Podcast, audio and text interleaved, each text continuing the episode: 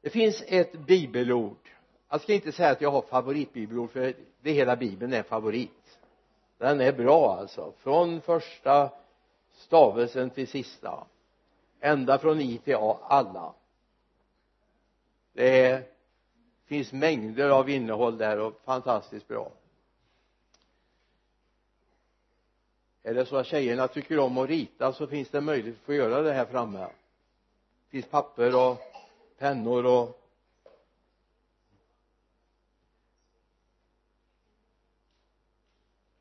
ta med mamma fram. Hon kanske också tycker om att rita man vet aldrig. Bra! Ni får sitta i de där stolarna där borta om ni vill. Så! Kan vi komma till Titus andra kapitel vers 11 till och med vers 14 Titus 2 11 till och med vers 14 Guds nåd har uppenbarats till frälsning för alla människor. Det fostrar oss att säga nej till ogudaktighet och världsliga begär och att istället leva anständigt, rättfärdigt och gudfruktigt i den tid som nu är. Medan vi väntar på det saliga hoppet att vår store Gud och frälsar Jesus Kristus ska träda fram i härlighet. Han har offrat sig för oss för att friköpa oss från all laglöshet och rena åt sig ett eget folk som är uppfyllt av iver att göra goda gärningar. Yes, jag älskar det. Uppfyllt av iver att göra goda gärningar. Hoppas det är det du är uppfyllt av men det som fångade upp mig inför den här dagen det var det här att Guds nåd har uppenbarats till frälsning för alla människor. Inte bara för ett fåtal utan för alla människor. Det här med ordet nåd det har vi västerlänningar och inte minst vi svenskar jätteproblem med alltså vi vill ju helst få förtjäna saker och ting va? Vi vill verkligen ha gjort en prestation för att ta emot någonting. Alltså ja det, om det inte är provsmakning och så vidare på ICA eller Coop då finns det en del som går runt flera varv. Äter de ingen middag den dagen? Men för övrigt det här med att ta emot saker utan att ha förtjänat det. Det är ett jätteproblem. Nåd handlar om att det finns inget pris att betala för den ska komma lite längre fram att det finns faktiskt någonting det kostar. Men nåd i sin konstruktion är det är någonting jag får trots att jag inte förtjänar till och med kanske tvärtom att jag inte borde ha fått det. Men jag får det ändå. Gud stryker ut skulden och ställer mig skuldfri. Den här nåden har uppenbarats så att alla människor kan få tag i det om man vill. Alla människor. Det är klart blundar man med både öron och ögon så kanske det är svårt att upptäcka nåden som Gud har gett. Vi kan inte förtjäna den. Vi vill gärna vara bror duktig eller syster duktig som klarar allting, är bäst och andra ska hellre vara beroende av mig än att jag får någonting bara fritt och för intet. Och i all synnerhet när det gäller de här områdena som har med mitt inre att göra men i Fesebrevet där påstår Paulus någonting eller berättar Paulus någonting för oss. I det andra kapitlet med början på vers 4 jag vågar inte säga vad slutversen är för då oj. Så vi säger vi börjar på vers 4 va?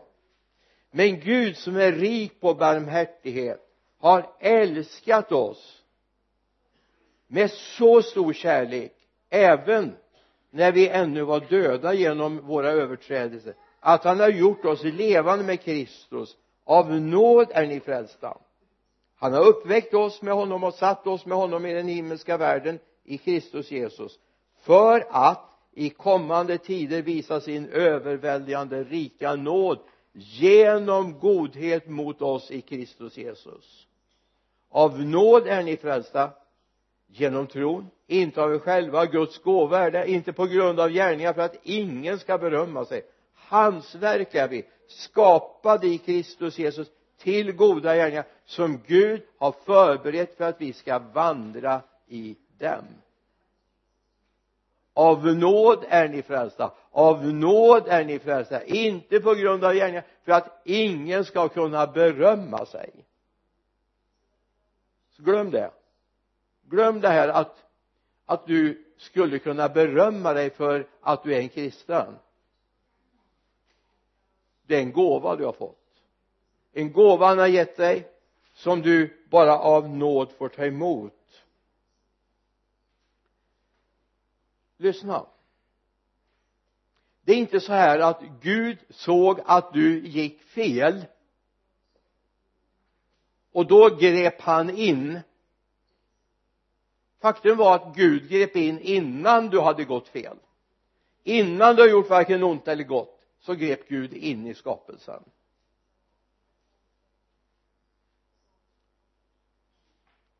Vi går till romarbrevets femte kapitel vers 6 vågar jag säga också hur långt vi ska läsa? Till vers 7 nej vers 11 men när tiden var inne medan vi ännu var syndare eller maktlösa står det. Då Kristus i ogudaktiga ställa. Knappast vill någon dö ens för en rättfärdig. Ja kanske vågar någon dö för den som är, är god. Men Gud bevisar sin kärlek till oss genom att Kristus dog för oss medan vi ännu var syndare. När vi nu har förklarats rättfärdiga genom hans blod hur mycket mer ska vi då inte genom honom bli frälsta från vredesdomen. För om vi nu om vi som Guds fiender blev försonade med honom genom hans sons död hur mycket mer ska vi då inte som, förson, som försonade bli frälsta genom hans liv? Men inte bara det vi gläder också, oss också i Guds Gud genom vår Herre Jesus Kristus genom vilket vi nu har tagit emot försoningen medan vi ännu var syndare grep Gud in i skapelsen. Han visste att vi var på fel väg. Han visste det. Långt, långt, långt innan du överhuvudtaget hade reflekterat eller någon människa hade reflekterat eller någon människa åtminstone du och jag inte var till så hade Gud tänkt oss till godo.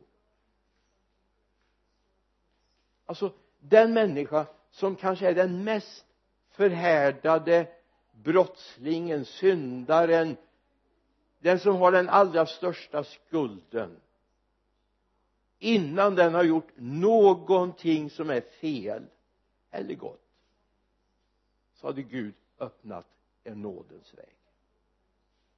Det är lite grann av Gud va? Han är lite annorlunda. När någon gör någonting ont mot oss så går vi och funderar på ja ska jag förlåta honom? Ska jag förlåta henne? Det var ju så dumt gjort. Ärligt du har inte rätt att ens fundera på det. Du har inte ens rätt att fundera på det. Ja men får jag inte ge igen? Lite i alla fall. Ett litet tjuvnyp kan jag väl få göra nej. Tänk på vad han har gjort. Han visste att du var född i synd. Han visste att du skulle göra fel. Ändå dog han för dig. Betalade priset. Han gjorde det.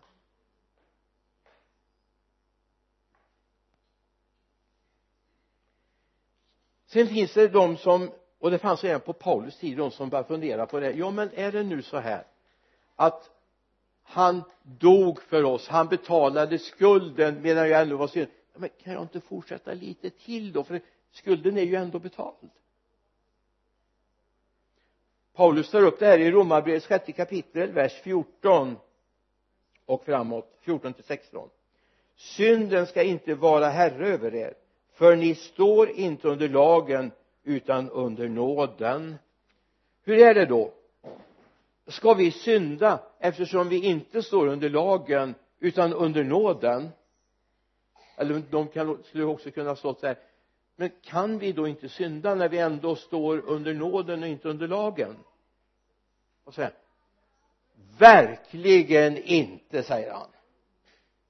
Vet ni inte att om ni ställer er som slavar under någon och lyder honom då är ni hans slavar? Och det är honom ni lyder antingen synden vilket leder till död eller lydnaden, vilket leder till rättfärdighet. Alltså om vi nu vet även i vårt ofrälsta tillstånd i vårt tillstånd där vi ännu inte har gjort upp med Gud att oavsett så gäller ju nåden för mig den finns där, nåden finns där. Om jag då bestämmer mig för att fortsätta synda då gör jag mig till slav under ondskan. Och när jag har gjort mig till slav så är jag på väg mot döden. Och inte mot rättfärdigheten. Nåden nu kanske jag kommer lyfta upp någonting som du inte har tänkt på förut. Nåden är en port som jag måste gå igenom. Nåden är en väg som jag måste gå. Det räcker inte att jag sitter här i Vänersborg och säger åker jag bara på 45an så kommer jag till Göteborg. Du måste faktiskt åka sen är det inte så mycket likhet mellan Göteborg och nåden. Det kan man väl lugnt säga. Men om du inte går in genom nåden du inte går nådens väg så står du utanför. Alltså nåden är ingenting som jagar upp dig utan någonting du måste ta emot nåden finns där. Men du måste du måste ta emot det. Du måste gå in i det. Varje människa föds till den här världen med ett straff hängande över sig. Så fort en människa har förmåga att skilja mellan ont och gott så är man under förbannelsen och måste befrias. Någonstans måste jag säga jag åberopar nåden för mitt liv. Och det kan ske väldigt. Jag har bett med människor som varit i 80-årsåldern som kommit till insikt om att de behövde Jesus. Och jag och Birgitta fick vara med och be för en tjej som var fem år som hade kommit fram till att hon behövde Jesus. Eh, och det, det är väl ganska fascinerande att det finns det spektrat att huvudsaken är att man får ta emot Jesus. Och viktigt att man gör det medan man fortfarande är kvar här i livet. Men varje människa är i den situationen på grund av att det Adam och Eva gjorde i Edens lustgård. De använde någonting som Gud hade lagt ner som en oerhört dyrbar gåva och som du och jag också verkligen sätter värde på. Det var den fria viljan. Jag hoppas inte någon har tvingat hit dig idag. Eller om du lyssnar nu på den här predikan via vår hemsida. Hoppas ingen har tvingat dig att lyssna på den. Eller sagt du får 50 000 om du lyssnar på den. Utan du gör det av fri vilja. Den fria viljan hade Adam och Eva också. Och det är ju liksom en av de där stora teologiska frågeställningarna. Varför skapade Gud människor med en fri vilja så de kan göra fel?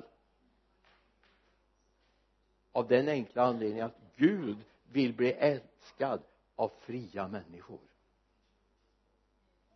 Inte människor som har en programmering i bak i ryggen som han programmerat nu ska du säga halleluja fem gånger varje timma. Och säga varje gång du möter någon jag älskar Jesus. Gå omkring som robotar. Utan Gud har skapat oss med en fri vilja. Och vi kan göra ont och vi kan göra gott vi kan besluta oss att gå fel väg och vi kan besluta oss att gå rätt väg. Vi kan besluta oss för att vara utanför nåden och vi kan besluta oss för att ta emot nåden. Och jag tror det är viktigt att vi ser det här. På grund av detta så startar vi på en negativ position när vi börjar vår vandring. Vi startar på en negativ position men det finns en möjlighet att ta emot nåden. Det finns en möjlighet. Gud öppnade nådens dörr in till gemenskap med honom själv. In till ett liv tillsammans med honom. Men du måste gå den. Du kan inte stå utanför porten och säga jag är inne. Jag möter människor som säger men jag är med Gud men helt uppenbart är de inte det. De har inte tagit emot nåden för de lever kvar i det gamla livet. De har inte tagit emot reningen som finns i nåden utan de lever kvar i det som var och älskar det. Det räcker inte att jag kan säga Jesus fem gånger på tio sekunder. Jag blir inte frälst av det. Det är frågan om om jag är beredd. Det är via nådens väg jag kommer till Gud. Och jag har fått en fri vilja så jag kan besluta om det. Det är mitt beslut. Det är hans nåd men det är mitt beslut. Hoppas det går att få fram det. Så här säger Paulus i romarbrevet. Och det här är så fantastiskt. Tredje kapitlet vers 23 och 24 alla har syndat och saknar härligheten från Gud. Det är tur att inte det slutade kapitlet där va? Eller hur? Wow, det är kört! Det är ingen chans. Det är lika bra att lägga upp fotsulorna. Och den här versindelningen kom ihåg att den skrevs inte från början den kom in på 300-talet och kan du se lite olika bibelöversättningar så faktum är att inte versarna riktigt stämmer. Den svenska bibeln och en del engelska översättningar till exempel har inte samma versindelning fullt och tittar vi saltaren i all synnerhet. Men det kommer en vers 24 och det förklaras rättfärdiga som en gåva av hans nåd. Därför att det är friköpt av Kristus Jesus. Det förklaras rättfärdiga som en gåva av hans nåd. Som en gåva. Alltså egentligen så där lite handen på hjärtat. Det skulle alls platsa med ett litet halleluja där. Gjorde ingenting. Skulle inte störa nåd är mer än ett ord det är mer än ett begrepp som vi kan svänga oss med. Det finns substans bakom nåden. Det handlar om att någon betalade din och min skuld. Det handlar om kärlek det handlar om överlåtelse och nytt liv. Och vi ska titta lite grann på vad nåden handlar om.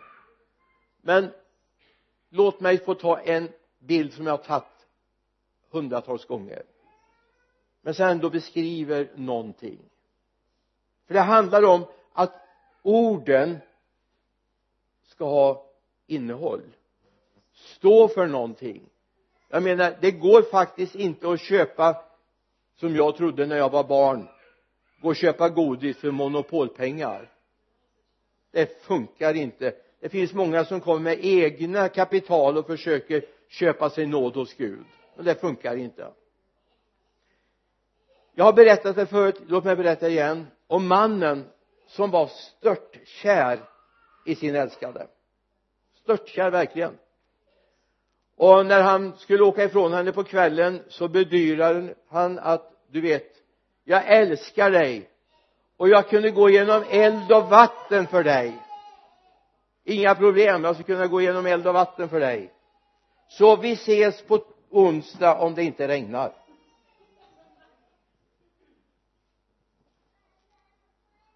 Så är det med mycket av vår kärleksförklaring till Gud. Jag älskar dig högt över allt annat. Bara det inte kostar någonting för mig inga uppoffringar. Den kärleken till Gud är inte värd någonting. Det är bara tomt skal. Det är bara tomt skal. Det finns en kärlek som också kostar någonting. Där jag är beredd att ge någonting för det. Den kärleken ska jag ha till Gud du är värd allt för mig. Du är värd allt för mig. Nåd är gratis men kostar ett pris. Smaka på det får du se. Lyssna. Han som inte visste av synd honom gjorde Gud till synd i vårt ställe för att vi i honom skulle bli rättfärdiga inför Gud. Han som inte visste av synd gjorde han till synd. Jesus hade aldrig ljugit. Jesus hade aldrig överdrivit. Jesus hade aldrig stulit. Jesus hade aldrig talat illa om någon. Aldrig. Han var fullkomligt ren. I tanke, ord och handling. Fullkomligt ren. Han var verkligen Guds älskade barn. Till och med så är det så enfödde son. Outstanding i renhet. Lyssna. Denne la Gud på grund av din och min synd la han all vår synd på. Smutsade totalt ner. Allt det här som vi läser i Galaterbrevet 5, 19 och 20 la dem på honom för att du och jag skulle gå fria. Köttets gärningar uppenbara sexuell omoral orenhet orger avgudadyrkan okultism fientlighet gräl avund vredesutbrott själviskhet splittring irrläror illvilja fylleri vilda fester och annat sådant. Allt det här trots att Jesus inte hade gjort ett enda dugg av orenhet så lades det på honom. Smutsade ner honom. För att du och jag skulle stå fria. Kan du tänka dig någon som verkligen avskyr ondskan avskyr allt som har med det här att göra som jag läste om? Bli iklädd det. Fick bära det i sin kropp upp på korset.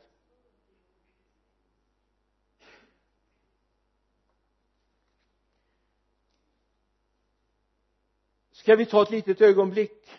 Och så tänker vi på hans far.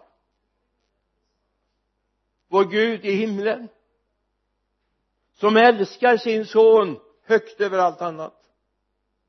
Han visste att hans son var räddningen för världen. Hans renhet var räddning för världen. Far nödgas se att hans son besudlas smutsas ner förnedras. För din och min skull. Det far led över var inte törnekronan det var inte spikarna utan det var den synd som lades på honom för att du och jag skulle gå fria.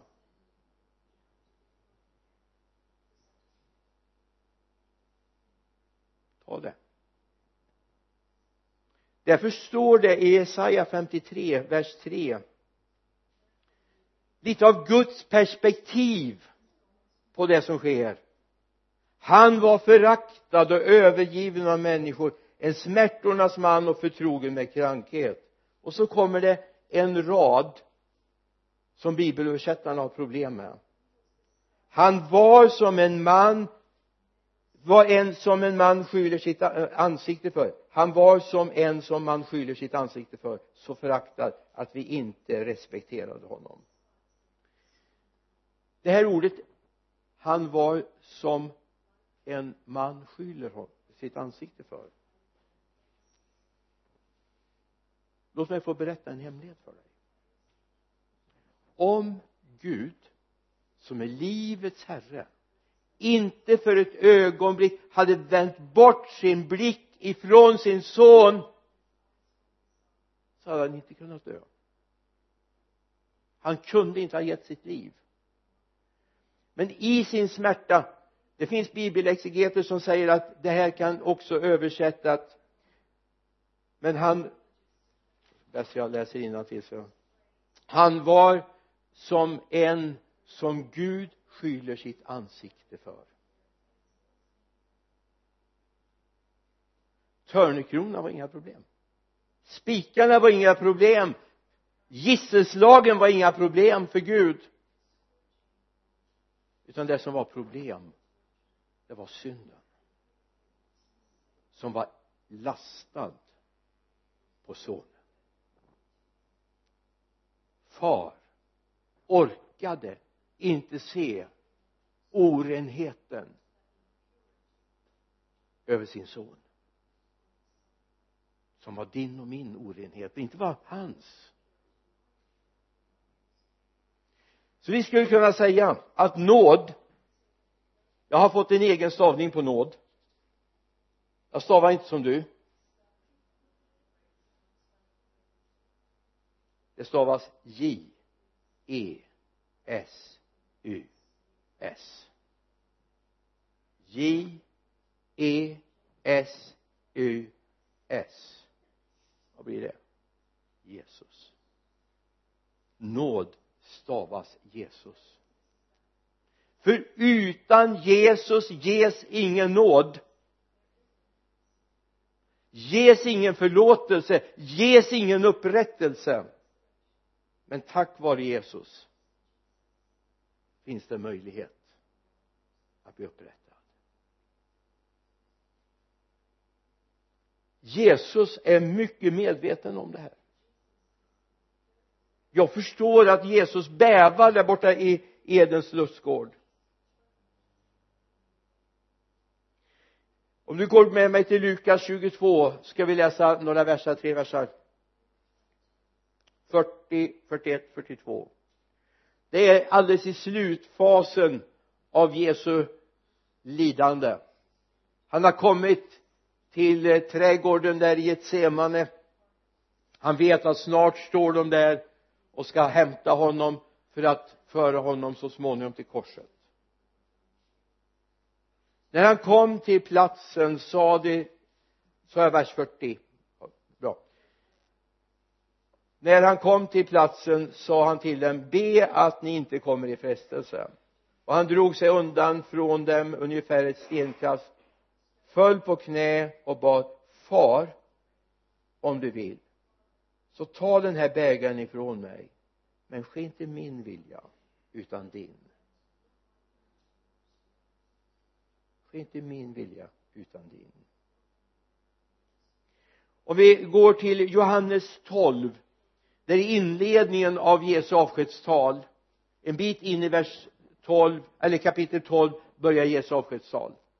Och vi kommer till vers 27 och 28 det står nu är min själ i ångest. Vad ska jag säga? Far fräls mig från denna stund. Nej det är för denna stund jag har kommit. Far förhärliga ditt namn då kom en röst från himlen. Jag har förhärligat det och jag ska förhärliga det igen. Nej det är just den här stunden jag har kommit. Jag har kommit för att ta straffet skulden, synden, smutsen, orenheten på mig för att sätta människor fria här skapas nådens port. Som du kan gå in genom. Och du måste gå in. Du ska inte dit och besiktiga den och kolla på den och se ja men den går nog att gå igenom. Du behöver gå in i den. I Romarbrevet 8 och 3 står det det som var omöjligt för lagen svag som den var genom den köttsliga naturen det gjorde Gud genom att sända sin egen son som syndoffer till det yttre lik en syndig människa. I hans kropp fördömde Gud synden. Så det handlar om att våga gå in genom den port som Gud har öppnat för dig den möjlighet han har gett dig lyssna. Det räcker inte med att vara professor i näringslära. Om jag inte äter då kan jag ändå svälta ihjäl. Det räcker inte att du vet att det finns en nåd. Du måste ta emot den. Du måste gå vägen, du måste gå igenom porten. Använd vilken bild du vill och du måste komma dit. Det räcker inte att veta var porten finns eller hur den ser ut. Du måste genom den. Du måste igenom den. Finns ingen omväg. Du blir inte mätt av kunna näringslära. Du blir mätt av att äta du blir inte frälst genom att veta att nåden finns. Du blir frälst genom att ta emot den. Att leva i den att inte ha det som någon jojo du går ut och in. Utan det måste vara i nåden.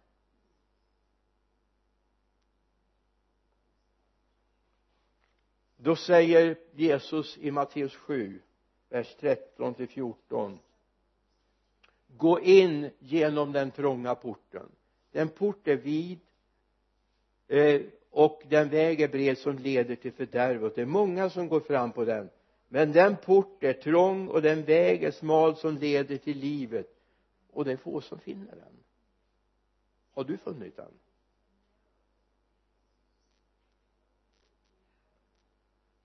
Nåden fostrade oss läste vi också nåden fostrade oss. Var det inte så vi läste? Den fostrar oss säga nej till ogudaktighet till världsliga begär och istället leva anständigt, rättfärdigt och gudfruktigt i den tid som nu är. Medan vi väntar på det saliga hoppet att vår store Gud och frälsare Jesus Kristus ska träda fram i härlighet. Den fostrar oss. Lyssna om naturen är förändrad inuti en människa om jag har gått in i nådens port och blivit rentvättad och då talar jag inte om kroppslig tvätt utan jag talar om inre hjärtats tvätt. Eller som Paulus uttrycker det jag har korsfäst köttet. Då vill jag ju inte leva i orättfärdighet längre. Jag vill ju inte leva i det som inte behagar Gud, eller hur? Jag har fått ett nytt sinne. Så nåden gör någonting med mitt liv. Nåden gör någonting med mitt tänkande. Nåden gör någonting med min framtid.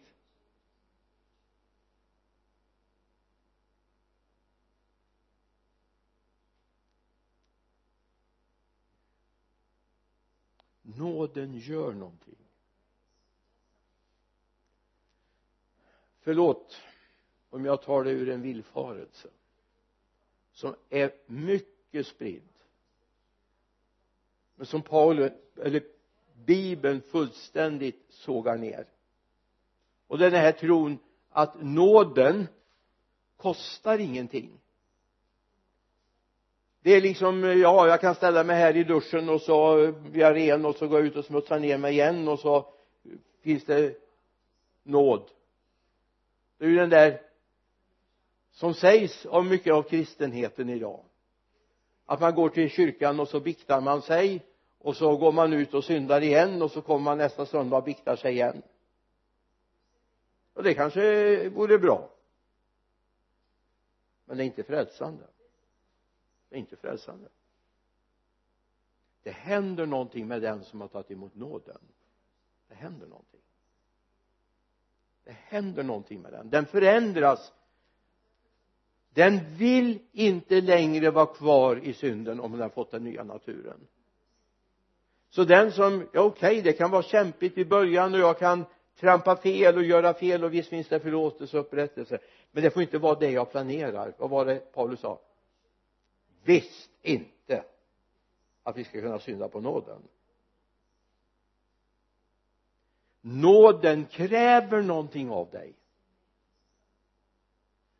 Nåden kräver någonting. Den vill förändra den vill fostra. Du vet det här med ordet fostran det är ju inte det mest populära ordet som finns i, i, i Sverige. Det används sällan i positiva termer. Då det är oh, denna fostran men fostran är faktiskt ett bibliskt begrepp. Det talar om att Gud vill forma om mig. Göra mig att tänka nytt. Tänka på ett annat sätt, handla på ett annat sätt.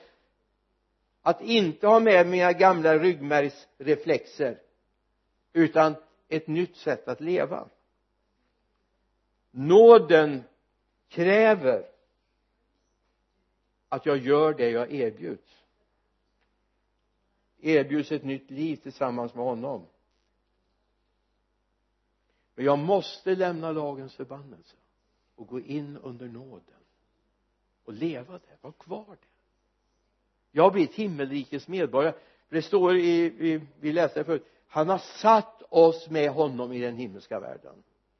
Han har satt oss med honom i den himmelska världen. I Efesierbrevet 2 han har satt oss med honom i den himmelska världen alltså från att varit världens medborgare levt under alla de frestelser som finns i den här världen så har Gud fört in mig på nådens territorium renhetens territorium. Så nåden kräver att jag förändrar mitt liv. Nåden kräver om jag ska leva kvar i den att jag faktiskt inte lever kvar i den gamla världen nåden hjälper mig att leva ett rent liv.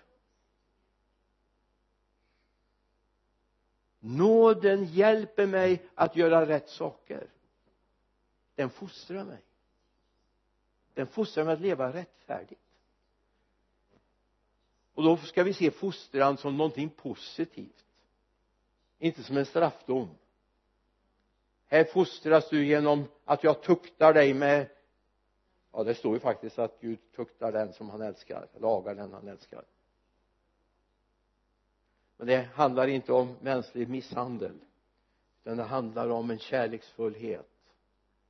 Ungefär som när man tränar in en vildhäst.